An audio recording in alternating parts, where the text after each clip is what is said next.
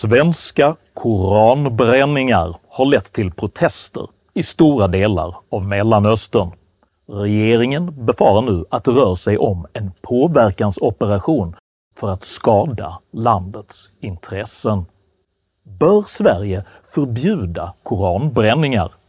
Kan begränsningar av yttrandefriheten stabilisera Sveriges relationer till Mellanöstern? Och vad händer med ett samhälle som sätter demokratiska eftergifter före demokratiska principer? Dessa frågor tar jag upp i veckans video om Sverige och Islam. Uppskattar du mina filmer så hjälper du mig att kunna fortsätta göra dem om du stöttar mig via något av betalningsalternativen här nedanför. Det är endast tack vare ert generösa och frivilliga stöd som jag kan fortsätta att utveckla denna kanal, så ett stort, stort tack till alla de av er som bidrar. Idag talar jag om koraner, krav och konflikt. Häng med!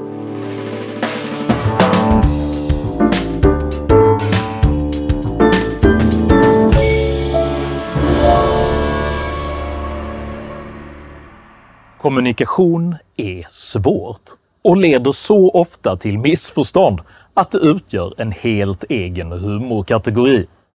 Ett exempel på detta är komikern Will Ferrells ständiga satir av olika samhällsgruppers fördomar, vilka konsekvent leder till feltolkningar och absurda konflikter.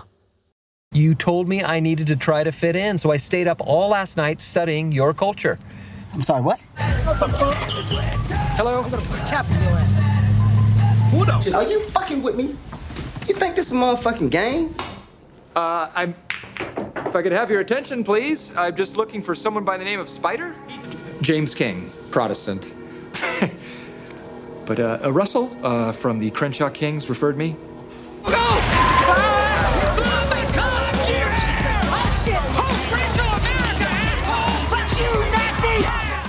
Mer allvarligt är att denna typ av kommunikationssvårigheter även påverkar verklig internationell diplomati, där allt från kulturkrockar till rena missförstånd kan skapa allvarliga konflikter. Ett exempel på detta är den diplomatiska kris som uppstått mellan Sverige och fler länder i Mellanöstern på grund av en serie koranbränningar. Den 28 juni i år genomfördes en manifestation där en privatperson tände eld på en koran utanför Stockholms moské. Polisen hade gett tillstånd till koranbränningen och cirka 200 personer hade samlats där, men det hela beskrivs som en ganska lugn tillställning.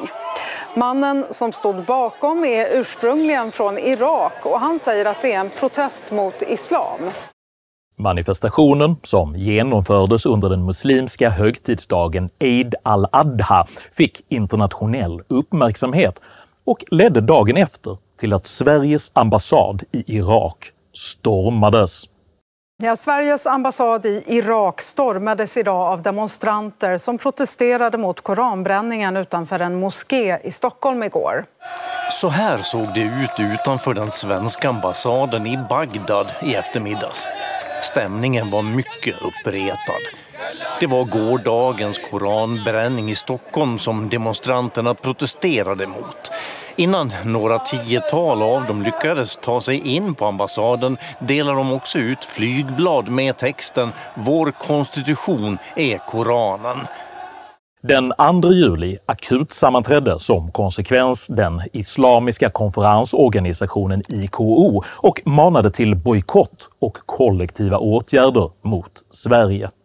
Den 7 juli uppmanade Pakistans premiärminister aktivt till landsomfattande protester mot de svenska koranbränningarna, vilka beskrevs som äcklande och förfärande.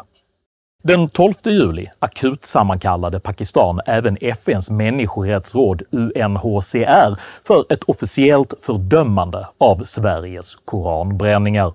Following a request received by Pakistan yesterday evening, The United Nations Human Rights Council will hold an urgent debate to quote unquote discuss the alarming rise in premeditated and public acts of religious hatred as manifested by current desecration of the Holy Quran.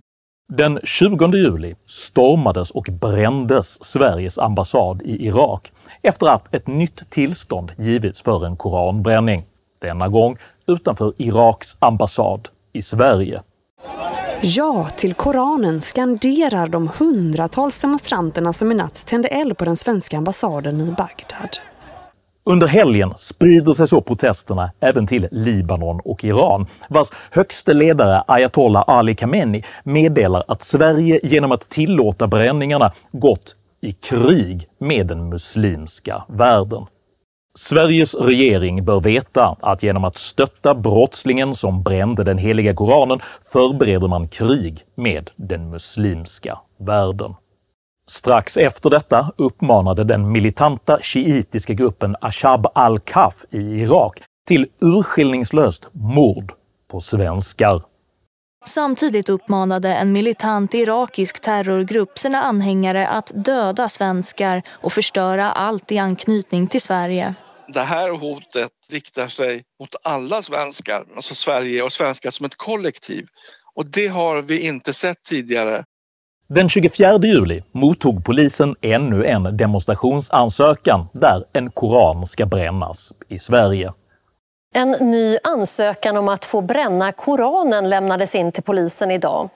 Den här gången är det en 31-årig man som utöver Koranen även vill tända eld på en bild på Irans ledare och två dockhuvuden utanför Irans ambassad i Stockholm.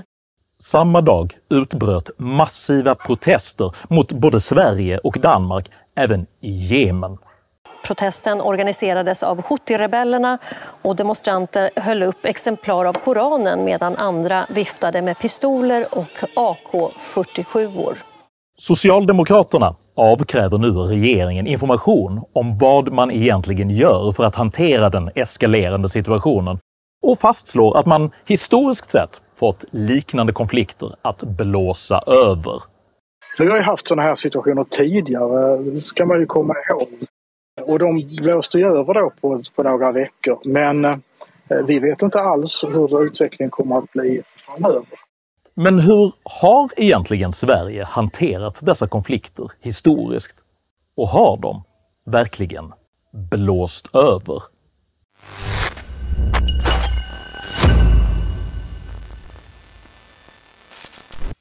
För att förhindra våld och konflikt framförs nu allt skarpare krav på att Sverige ska förbjuda beteenden som provocerar muslimska länder. Finns det några specifika krav på, på Sverige? Men det största kravet är att man inte ska tillåta såna här koranbränningar. Jag hoppas att vi får stopp på, på det här genom att tydliggöra yttrandefrihetslagen. المطالب هي الأساسية بالضبط بأنه عدم السماح بهاي الافعال بحرق القران او بحرق اي كتاب مقدس. Det här är ett brott som kränker människors tro. Det går att ändra i vanliga lagar så att det skulle vara straffbart att bränna koraner. Denna preventiva argumentation uttrycks bland annat av utrikesdepartementet som den 30 juni meddelade att man starkt fördömer de islamofobiska handlingar som förekommit vid manifestationer i Sverige. På liknande grund kritiserar Jonas Lovén, Sveriges tidigare ambassadör i Irak, koranbränningarna. En hotbild föreligger mot alla svenskar som rör sig i Irak. All den goodwill som vi i så många år åtnjutit är som bortblåst. Argumenten för koranbränningar bygger på vår sekulära och liberala syn på fundamentala rättigheter och statens roll. Visst hade världen sett bättre ut om dessa värdering hade haft större spridning, men Sverige måste förhålla sig till verkligheten och våra lagar lika så. På snarlik linje argumenterar Sveriges kristna råd för att koranbränningar ska räknas som hatbrott och gör samtidigt bedömningen att en bibelbränning inte är lika laddad.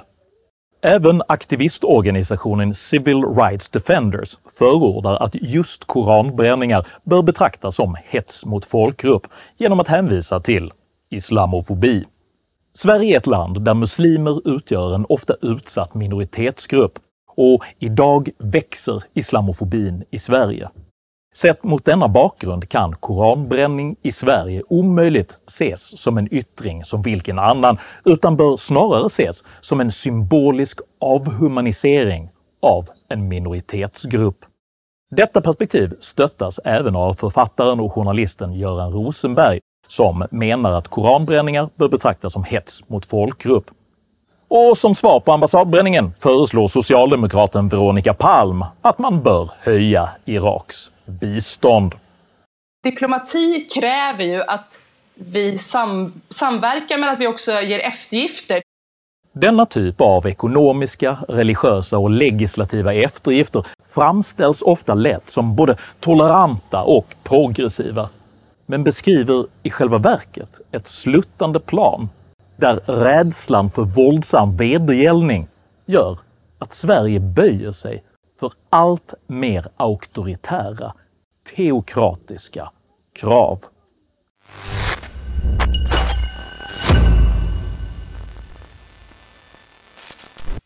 De historiska exemplen på kränkningar av islam som utlöst våld är otaliga. 2005 publicerade den danska tidningen Jyllandsposten 12 teckningar av profeten Muhammed. Syftet med publiceringen var att väcka debatt kring press och yttrandefrihetsfrågor i ett allt mer mångkulturellt Danmark. Publiceringen ledde till att både Libyen, Saudiarabien och Iran omedelbart drog tillbaka sina ambassadörer från Danmark och till att många länder bojkottade danska produkter.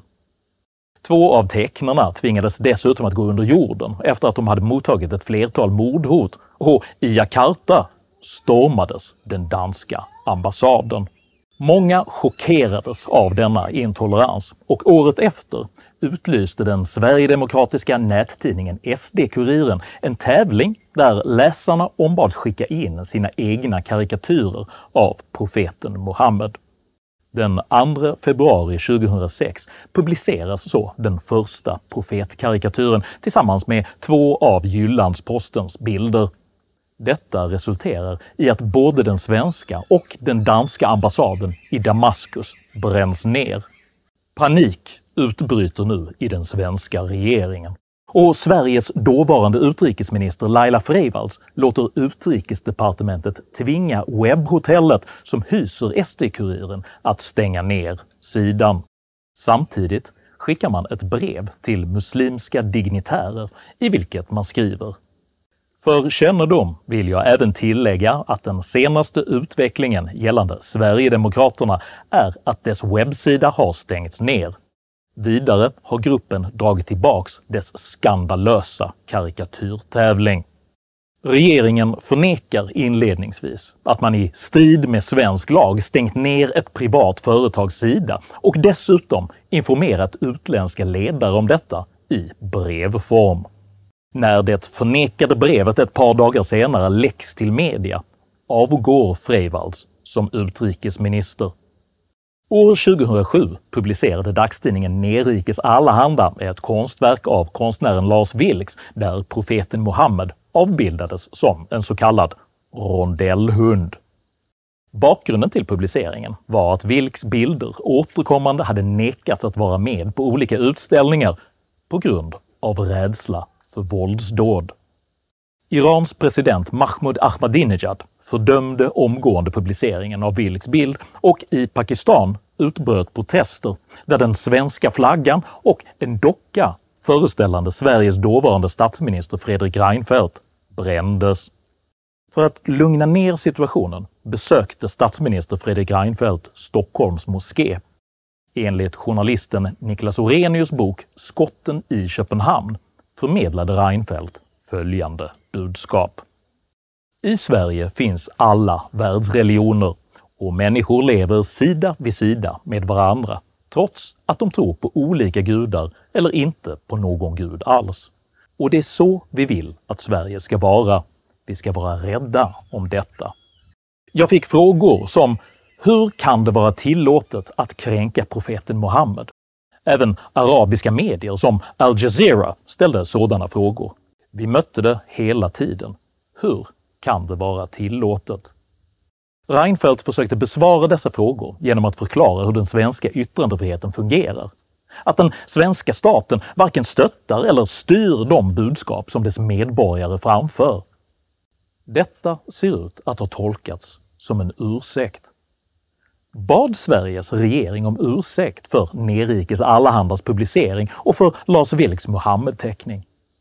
Islamska konferensen OIC, som representerar 57 stater, uttalade att Sveriges ambassadör i Saudiarabien skulle ha framfört sin djupaste ursäkt för kontroversen som skapades av den sårande publiceringen. Nio år senare frågar jag Fredrik Reinfeldt om det uttalades någon form av ursäkt från Sveriges sida. Han svarar nej. Men, tillägger han, i och med att han och Sverige valde att kommunicera mjukt och lyhört så tolkade somliga det så. 2010 överfalls Vilks i samband med en föreläsning. 2015 utsätts Vilks för ett terrorattentat där en person dör och tre poliser skadas. Den 14 april 2022 bränner Rasmus Paludan, ledare för det danska partiet Stram kurs, en koran i Jönköping. Detta blir startskottet för flera dagar av så våldsamma upplopp att polisen tvingas till reträtt. Upploppet var så våldsamt att polisen tvingades retirera. Det var många som reagerade starkt över att polisen backade undan när våldet eskalerade i Skäggetorp. Vad säger du till dem som känner sig svikna av polisen? Det var ett aktivt beslut som fattades där och då utifrån den lägesbild som, som vi hade. Alltså situationen var så pass eh, kaotisk eh, på platsen att eh, vi bedömde som att det var att det var säkrare att vi, att vi drog oss undan där eh, för att det inte skulle skada, eh, själva skador skulle ske i själva Skäggetorp. Och vi har inte heller då kunnat eh, säkra de här platserna och eh, upprätthålla vårt uppdrag som eh, är att trygga yttrandefriheten i de här fallen. Så det är klart att det är ett misslyckande. Man struntade fullständigt i om man skadade poliser svårt eller till och med de kunde döda. Jag kan bara konstatera att vi möttes av en, en oerhörd aggressivitet utav de personerna som var på platsen. En aggressivitet, aggressivitet som vi inte har sett på många år. Det var en övermäktig uppgift de slutade aldrig. Det tog aldrig slut. Och, eh, eh, hade någon kollega fastnat eller ramlat där någonstans så jag är helt säker på att den hade blivit stenad till döds. Detta leder till att polisen i februari i år egenmäktigt beslutar att ge endast Koranen skydd från att brännas i Sverige. Något som två månader senare underkänns av förvaltningsrätten. Det är tydligt att både Freivalds auktoritära apologes, Reinfeldts insmickrande överslätanden och polisens reaktiva förbud har misslyckats med att stabilisera den liberala demokratins förhållande till den muslimska världen. Denna allt mer förvirrade välvilja sammanfattades mycket, mycket väl när Aktuellts Katja Elliot uppgivet och överraskande rättframt frågade hur lite som egentligen krävs för att förarga de muslimska länderna. Alltså hur lite krävs det egentligen för att man ska reagera i andra länder? Elliots frustration är begriplig. För denna konflikt har aldrig gällt vare sig hänsyn, eftergifter eller tolerans, utan handlar uteslutande om kultur, kommunikation och konflikthantering.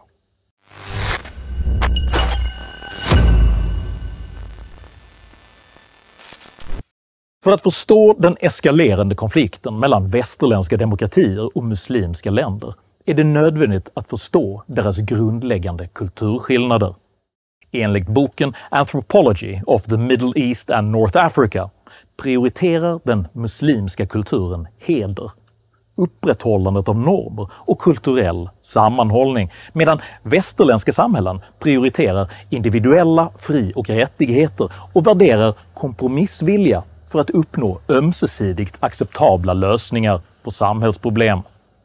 Enligt den internationella tankesmedjan Carnegie Endowment for International Peace ökar just nu stödet för Vladimir Putin i Mellanöstern, vilket sker på bekostnad av den västerländska diplomatin, som istället uppfattas vara både vek och omoralisk. Den starka ledarskapsmodellen, är exemplifierad av Putin, inspirerar de arabiska folken som en väg till utveckling och globalt inflytande. Dess anhängare menar att styra med järnhand ger möjlighet att kontrollera motsättningar, prioritera säkerhet och säkerställa modernisering utan störande demokratiska utmanare. Under onsdagen bekräftade även regeringen under en pressträff att ryska intressen sannolikt driver på denna utveckling för att försvaga Sverige i samband med NATO-inträdet. Samtidigt varnade regeringen idag för att bilden som sprids av Sverige och koranbränningarna är medvetet felaktig. En påverkanskampanj i syfte att skada Sverige understödd av utländska aktörer, däribland Ryssland. Vi ser bland annat hur eh, ryskstödda aktörer är aktiva i att förstärka felaktiga påståenden om att Sverige som stat skulle ligga bakom skändningen av heliga skrifter. Ett tecken på detta kan vara den återkommande koranbrännaren Salman Momikas framhävande av svenska flaggor i samtliga av sina manifestationer. Detta framställer Sverige som antagonistiskt, samtidigt som de ängsliga diplomatiska reaktionerna får landet att se svagt ut. Den amerikanske statsvetarprofessorn Richard Ned Lebo argumenterar i sin bok A Cultural Theory of International Relations för att auktoritära och kollektivistiska kulturer ofta tolkar den västerländska diplomatins betoning på dialog, förhandling och eftergifter som just vekhet, vilket i sin tur triggar dominansbeteende istället för att dämpa konflikten. Lebows modell visar att Freivalds ursäkter, Reinfeldts dialog och den svenska polisens anpassningsförsök kanske inte alls har uppfattats som inkluderande tolerans, utan som aningslös svaghet. Hip-hop is a very sophisticated, multifaceted subculture that speaks to all different types of people. The more I read, the more I listened, the more I felt connected to its rich cultural tapestry. And it's really great. Föreställningen att Sveriges tidigare konflikter med islam skulle ha blåst över på grund av skicklig svensk diplomati är ur detta perspektiv sannolikt en misstolkning av det faktum att muslimska länder uppfattar varje eftergift som en seger, vilket gör att man trycker på allt hårdare. Snöboll som har kommit i rullning och det blir en växer styrka.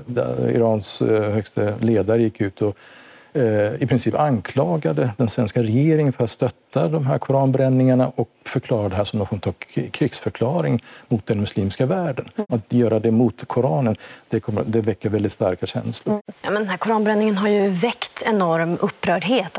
Att ledare för länder som prylar kvinnor om de klär sig som de vill, som hänger homosexuella från lyftkranar och som vill begå folkmord på judar känner sig upprörda över att Sverige har en stark yttrandefrihet är inte en moralisk bugg som måste korrigeras.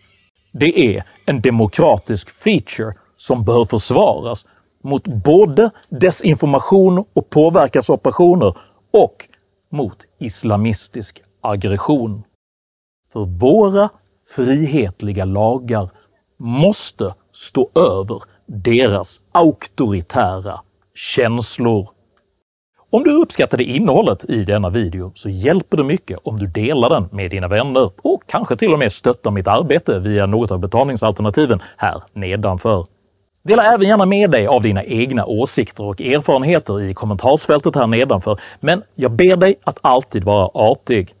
Jag accepterar inte aggression, personpåhopp eller rasism i mina idédrivna kommentarsfält. Tack för att du som kommenterar respekterar detta. Jag heter Henrik Jönsson och jag anser att frihetliga demokratier inte bör anpassa sig efter auktoritära teokratier. Tack för mig och tack för att du har lyssnat.